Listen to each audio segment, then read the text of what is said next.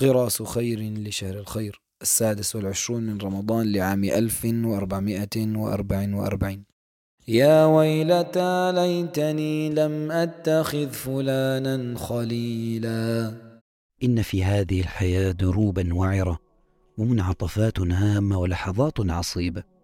حتى نجتازها نحتاج من يمسك بيدنا ويشد على قلوبنا لنعبر بسلام. فكم من وجع نقص حين تقاسمناه وكم من فرح كبر حين تشاركناه. وكم من قمة عز لها الوصول فأسندتنا يد أخ صدوق فبلغناها ونحن في أوج التعب.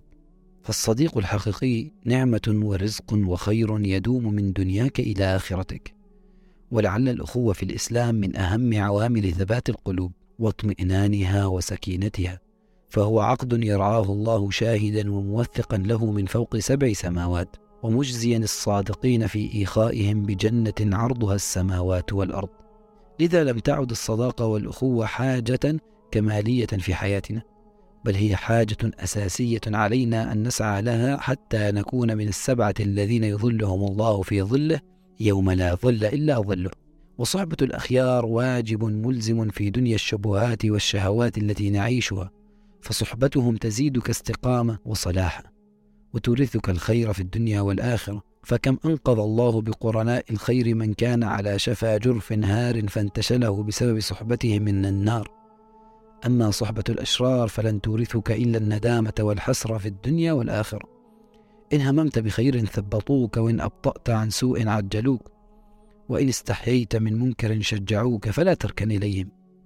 وإن وفقك الله لصديق صالح وأخ مبارك فاستمسك بغرسه ودم على محبته وآنسه واستمع لنصحه. وإن لم تعثر عليه بعد فابحث جاهدا واطلب من ربك أن يؤنس وحدتك بمن يرضاه لك. وكن متعقلا واحرص عندما تنتقي خلك في الدنيا ألا يكون مفتاحا يوصلك إلى النار بل جسرا يحدو بك إلى الجنة.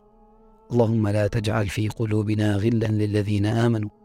واجعلنا رحماء فيما بيننا وارزقنا حبك وحب من يحبك وحب كل عمل يقربنا لحبك.